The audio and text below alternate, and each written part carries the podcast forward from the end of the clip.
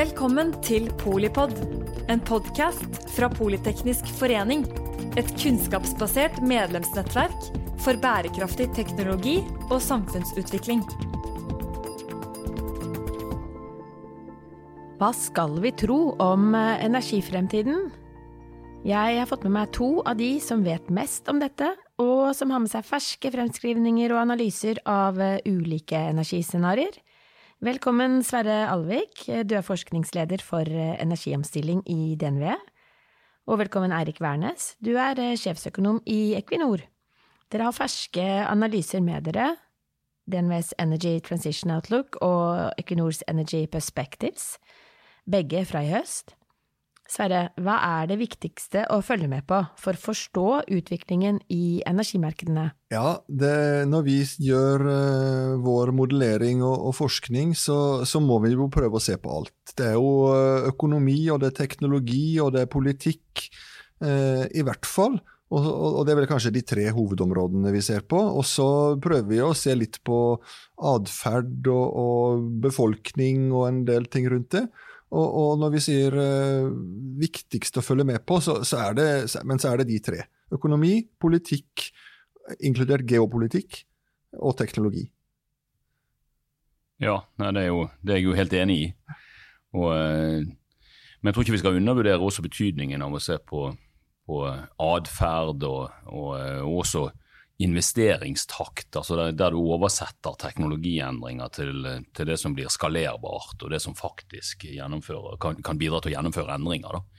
Eh, det, altså, der, der, skjer jo veldig mye teknologisk, for eksempel, som foreløpig er bitte lite. Og så er det jo da å spekulere i hvor fort det kan utvikle seg til faktisk å ha betydning i et energisystem som er veldig stort.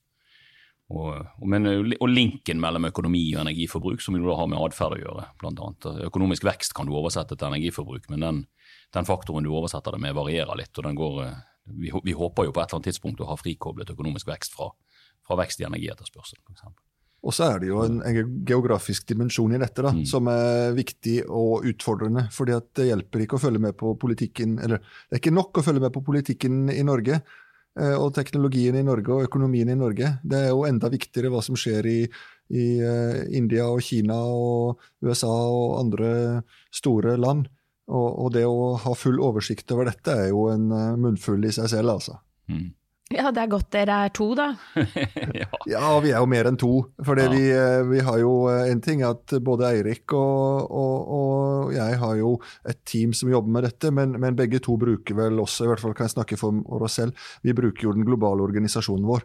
Eh, og, og de som jobber i og bor i Kina og Brasil og andre steder. som så vi har et hundretalls mennesker som er innom og hjelper oss i løpet av et år med å, eksperter på alt fra vindkraft til Brasil, eh, som, som, hjelper oss her. Mm.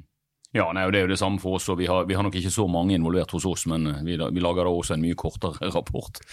Men, eh, men, på den annen side så har vi også et svært eksternt nettverk. Sant? og Det er mange andre i denne bransjen eh, på scenarioer, og det skjer mye på forskningssiden og mye du kan lese deg til. Og så er det jo da å, å sette fingeren på pulsen eh, og, og, finne ut hva som foregår på bakken da, forskjellige steder, og, og, hva er det vi observerer, og hva er det vi får med oss. Og så er det å oversette det til ting som da kan påvirke verden i, i, i ulik retning. Ja, og det er jo En ting er jo eh, den, de andre som driver med akkurat det samme som oss, enten de nå sitter i, i BP eller Shell eller eh, Greenpeace eller hvor de sitter, men det er jo også andre eksperter på andre områder. FNs klimapanel på, på det som har med klimautslipp og konsekvenser å gjøre. Mm. Uh, og du har uh, tenketanker på geopolitikk, uh, sånn som NUPI her i Norge eller CSIS i Washington, og prøve å lese seg opp og holde seg orientert om, om den type utvikling. da. Mm. Som vi ikke har kapasitet og kompetanse til å gjøre selv. Ja.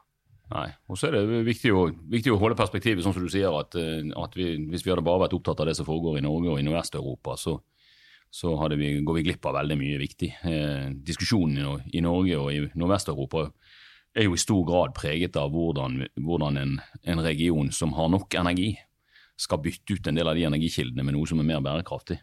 Mens i store deler av verden så er jo spørsmålet mer også om hvordan i all verden skal vi få tak i mer energi. Og, og ha anledning til å bruke mer energi og gjøre det så bærekraftig som mulig. Og det gir jo, gir jo ofte helt andre signaler og helt andre eh, perspektiver. Dere har også litt eh, forskjellige resultater, så eh, hvor ligner dere? Eh, hva er ulikhetene, og hvorfor det? Ja, vi har, jo, altså, vi har jo for det første to resultater, om du vil. Altså, vi har jo to scenarioer. En prognose, og så har vi et, et sånt scenario der vi ser bakover fra, fra 2050 og hva som må til hvis vi skal være på en bane som, som beveger oss i retning av 1,5 graders klimamålet. Men når det gjelder den prognosen vår som heter Walls, så er jo det på mange områder veldig likt eh, det som er DNV sitt, sitt hoved, sin hovedbane. Dere har jo også en sensitivitet på 1,5.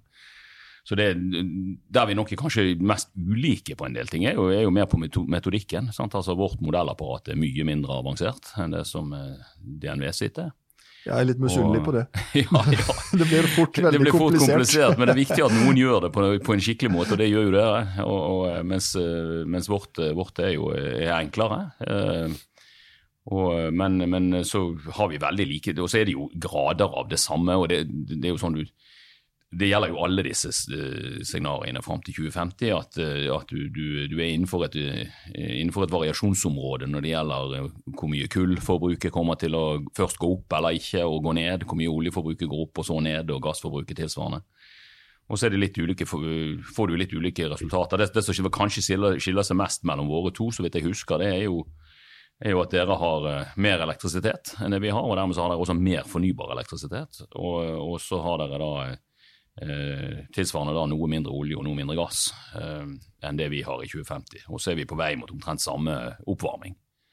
Ja, jeg tror det, vårt, jeg, tror det stemmer. Og, og, vi har også lite tro på kjernekraft i forhold til en del andre. Dere er vel heller ikke så veldig framoverlent på kjernekraft, ikke, ikke kanskje? Det, ikke det som er prognosen vår, da, eller det fremskrivingsscenarioet. Men vi, hvis vi skal være på vei mot 1,5-gradersmålet, så tror vi at vi må ha mye mer kjernekraft. Så da har vi vel dobbelt så mye kjernekraft i 2050 som vi har i dag.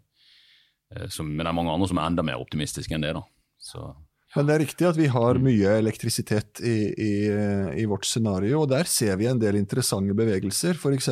På, på tyngre kjøretøy, som man kanskje for inntil et par år siden tenkte at dette må bli hydrogen.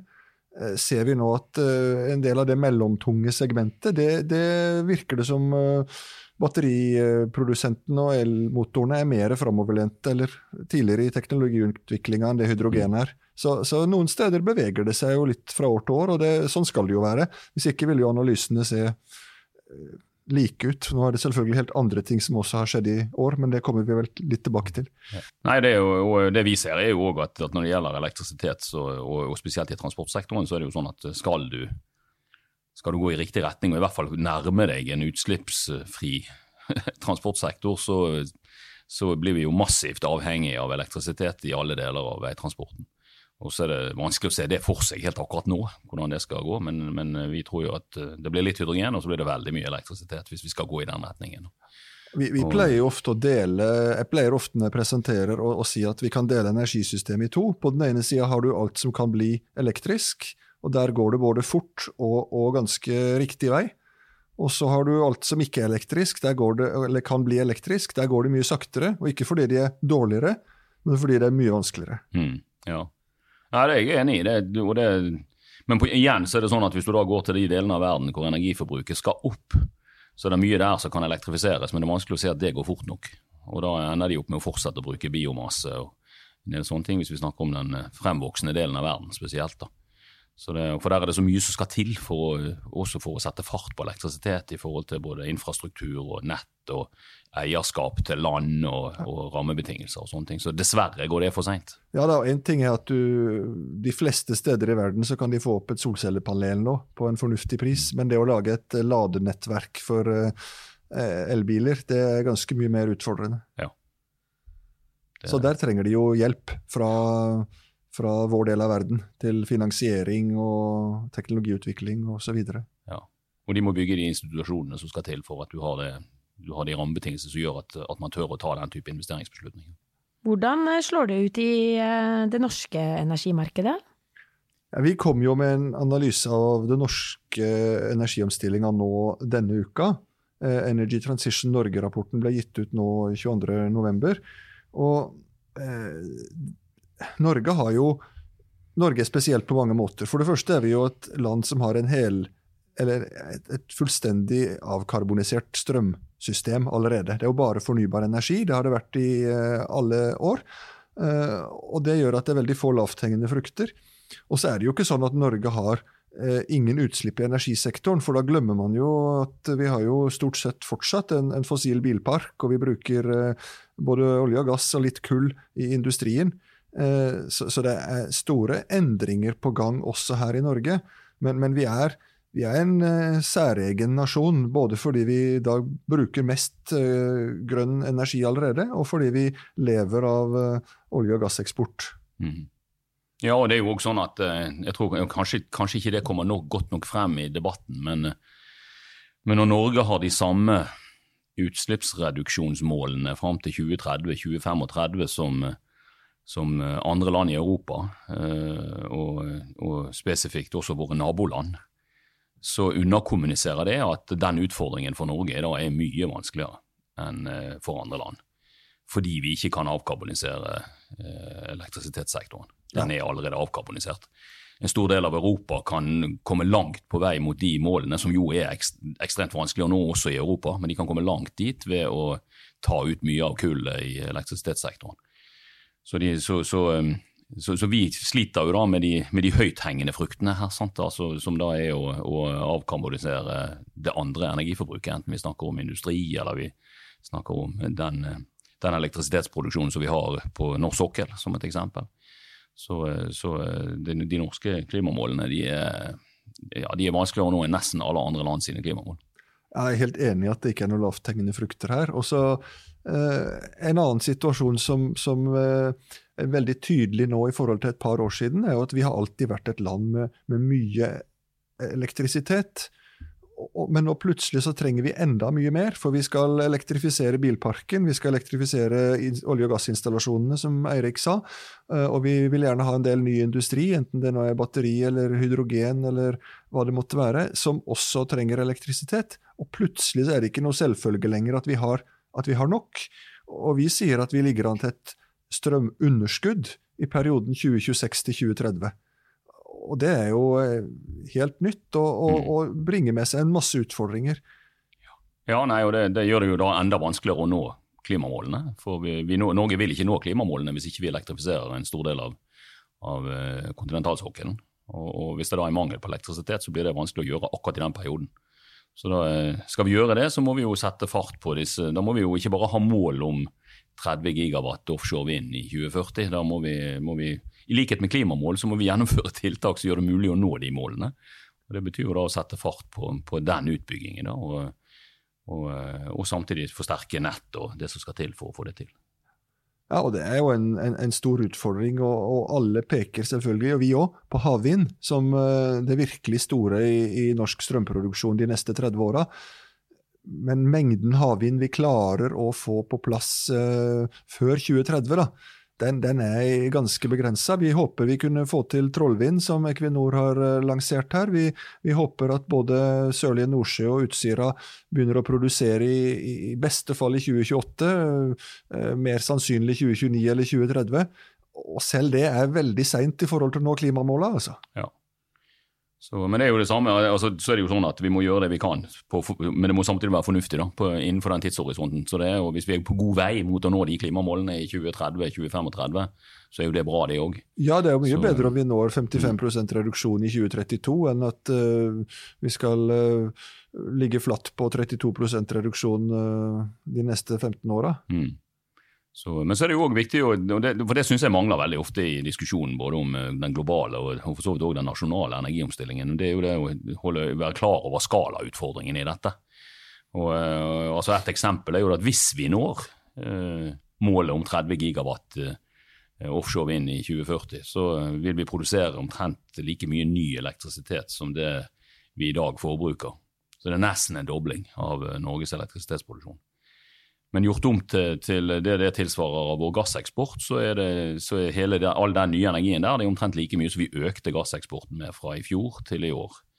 Så, så for den er ti ganger så stor som vår elektrisitetsproduksjon. Så, så, Norge som energileverandør må, må, Hvis vi skal opprettholde den posisjonen, så må vi fortsette å, å utvikle og produsere så mye olje og gass som mulig. Ellers så vil vi ikke eksportere like mye energi. Nei, det, det, viser også våre bilder, at, at, den enorme eksporten som tilsvarer sånn 2500 TWh omtrent i, i, året med olje- og gasseksport, det, hvis du gjør det om til, til strøm, skulle jeg si, til, til, eller til den energienheten, det er jo tall som, som elektrisitetsprodusenter bare kan drømme om. Mm, det er det. Dette har vi jo merket veldig godt alle sammen, både i Norge og Europa også gjennom energiprisene. Men eh, hvordan har eh, Russlands krigføring i Ukraina endret eh, analysene deres? Nei, altså det på, for, for, det første så er det jo en, altså det jo en dramatisk hendelse som, som, som er en, en, enorm tragedie for Ukraina og Ukrainas befolkning, og også for Russland og russiske soldater og Russlands befolkning. Um, du kan jo si at Energiprisene og, og energikrisen eh, var vi jo godt på vei inn i lenge før eh, invasjonen i slutten av februar. Eh, men når den da blir en realitet, så endrer den eh, mange av forutsetningene som vi da må, må ta hensyn til når vi spekulerer i evnen til eh, å finne gode løsninger på kollektive problemer.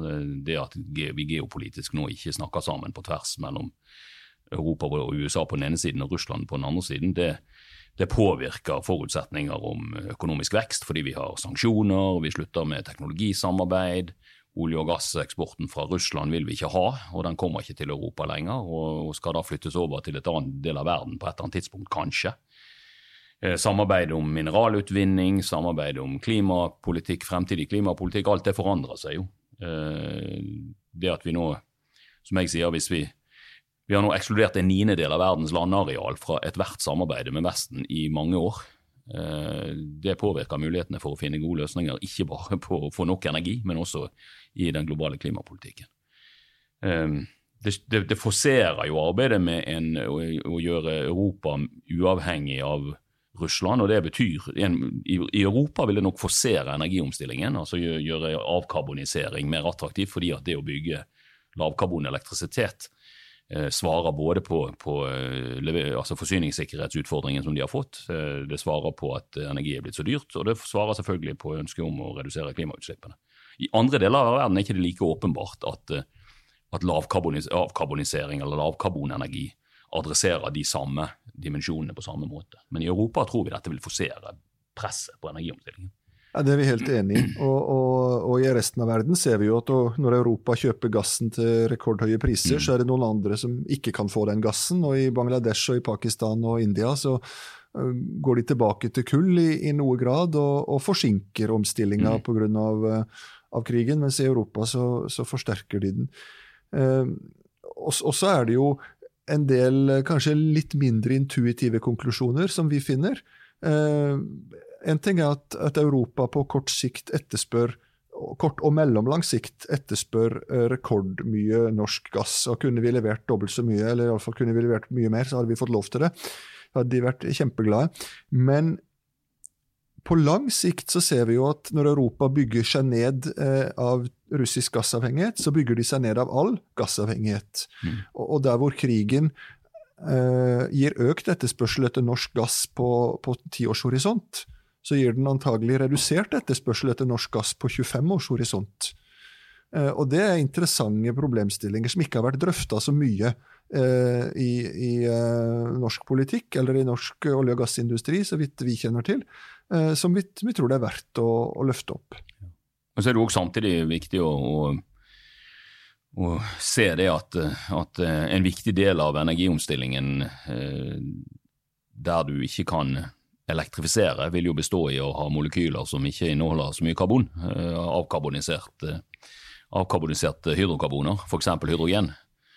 Eh, og da er det jo slik at en, en økt, økt, forsering av energiomstillingen i Europa vil jo bidra til en raskere utvikling av et marked for, for hydrogen som energibærer.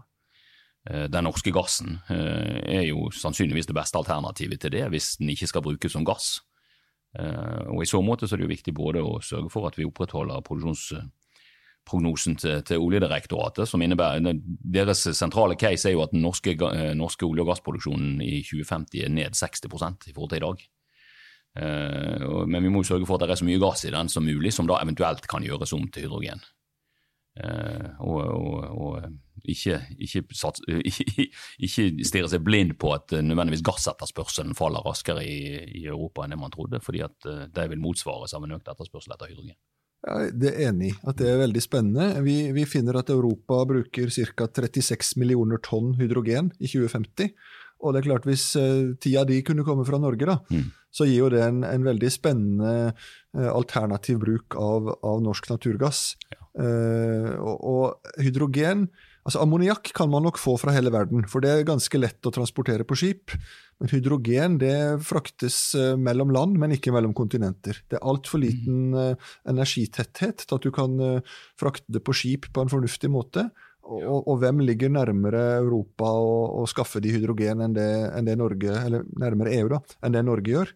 Det, det, er klart Her er det store muligheter, og, og, spesielt hvis vi kan gjenbruke infrastrukturen, eller delvis gjenbruke infrastrukturen, så bør vi kunne klare å konkurrere med grønn hydrogen fra eh, solkraftverk i Spania eller Algerie eller hvor det måtte være. Ja, og det blir jo en konkurrent først, etter min mening. Sannsynligvis først når vi har eh, når vi har eh, nok fornybar elektrisitet til å erstatte alt det andre i elektrisitetssektoren. Da, da, bør vi begynne å diskutere hvordan vi skal bruke overskuddselektrisitet til, til hydrogen. Uh, og det vil jo være fra, altså I noen områder så kan det jo være det fordi at det, fordi at det ikke er kunder til elektrisiteten, men i stort sett i et Europa som er dekarbonisert på kraftsektoren, så vil all elektrisitet kunne kobles på et nett. Så uh, Ellers så tror jeg det er viktig å ikke uh, vi, Eh, Norge kan nok levere hydrogen og bør vurdere mulighetene for det. Eh, basert på gass, og etter hvert kanskje også på offshore vind eller, eller eh, avkarbonisert elektrisitet. Men det kan jo også være sånn at vi kan tilby kundene våre i Europa langsiktig gasskontrakt, der vi skal hjelpe dem til å utvikle avkarboniseringsverktøyene der hvor gassen kommer i land.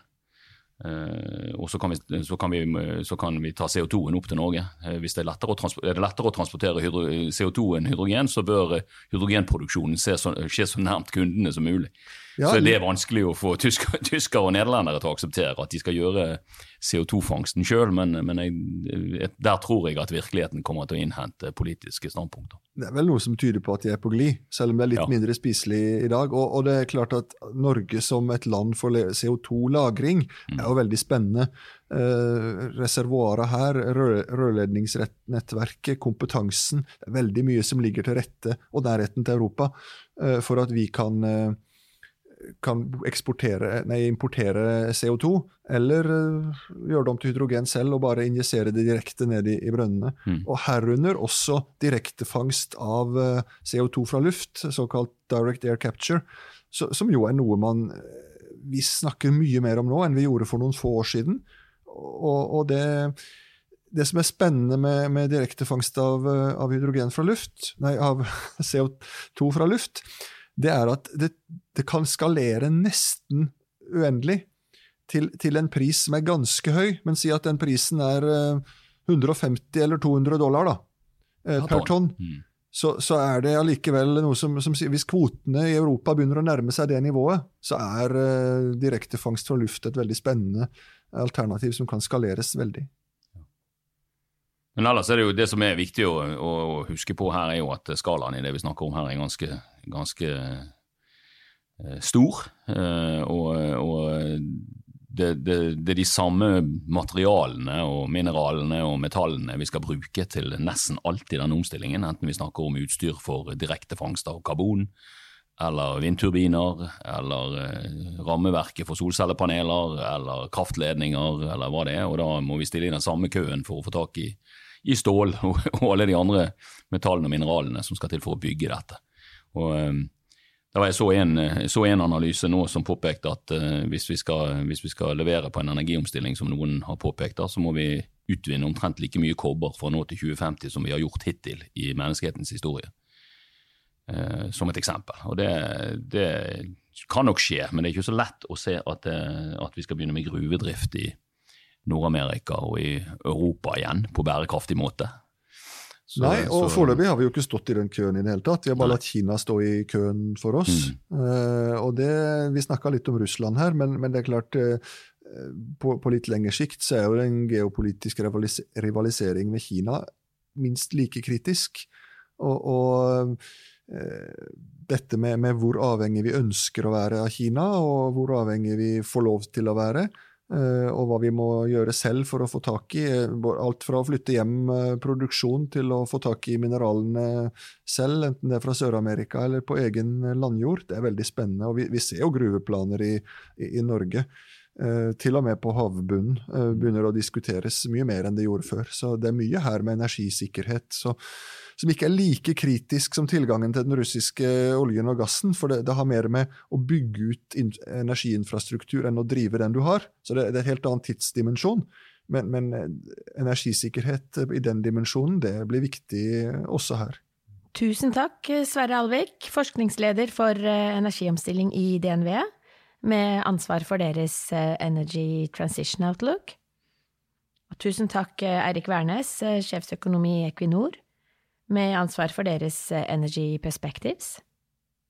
Nå er vi mye klokere på hvordan energimarkedene utvikler seg hjemme og ute, og på sammenhengene mellom energisikkerhet, klima og ressursforvaltning. Jeg er Mette Vågnes Eriksen, jeg er generalsekretær i Politeknisk forening. Nå eh, litt eh, mer forhåpningsfull for at vi faktisk når energi- og klimamålene i tide. Tusen takk også til deg som lytter til eh, Polipod, når og hvor du vil. Takk for at du lyttet til Polipod fra Politeknisk forening. Få med deg flere episoder, eller bli med på nettverksmøtene som du finner på at polyteknisk.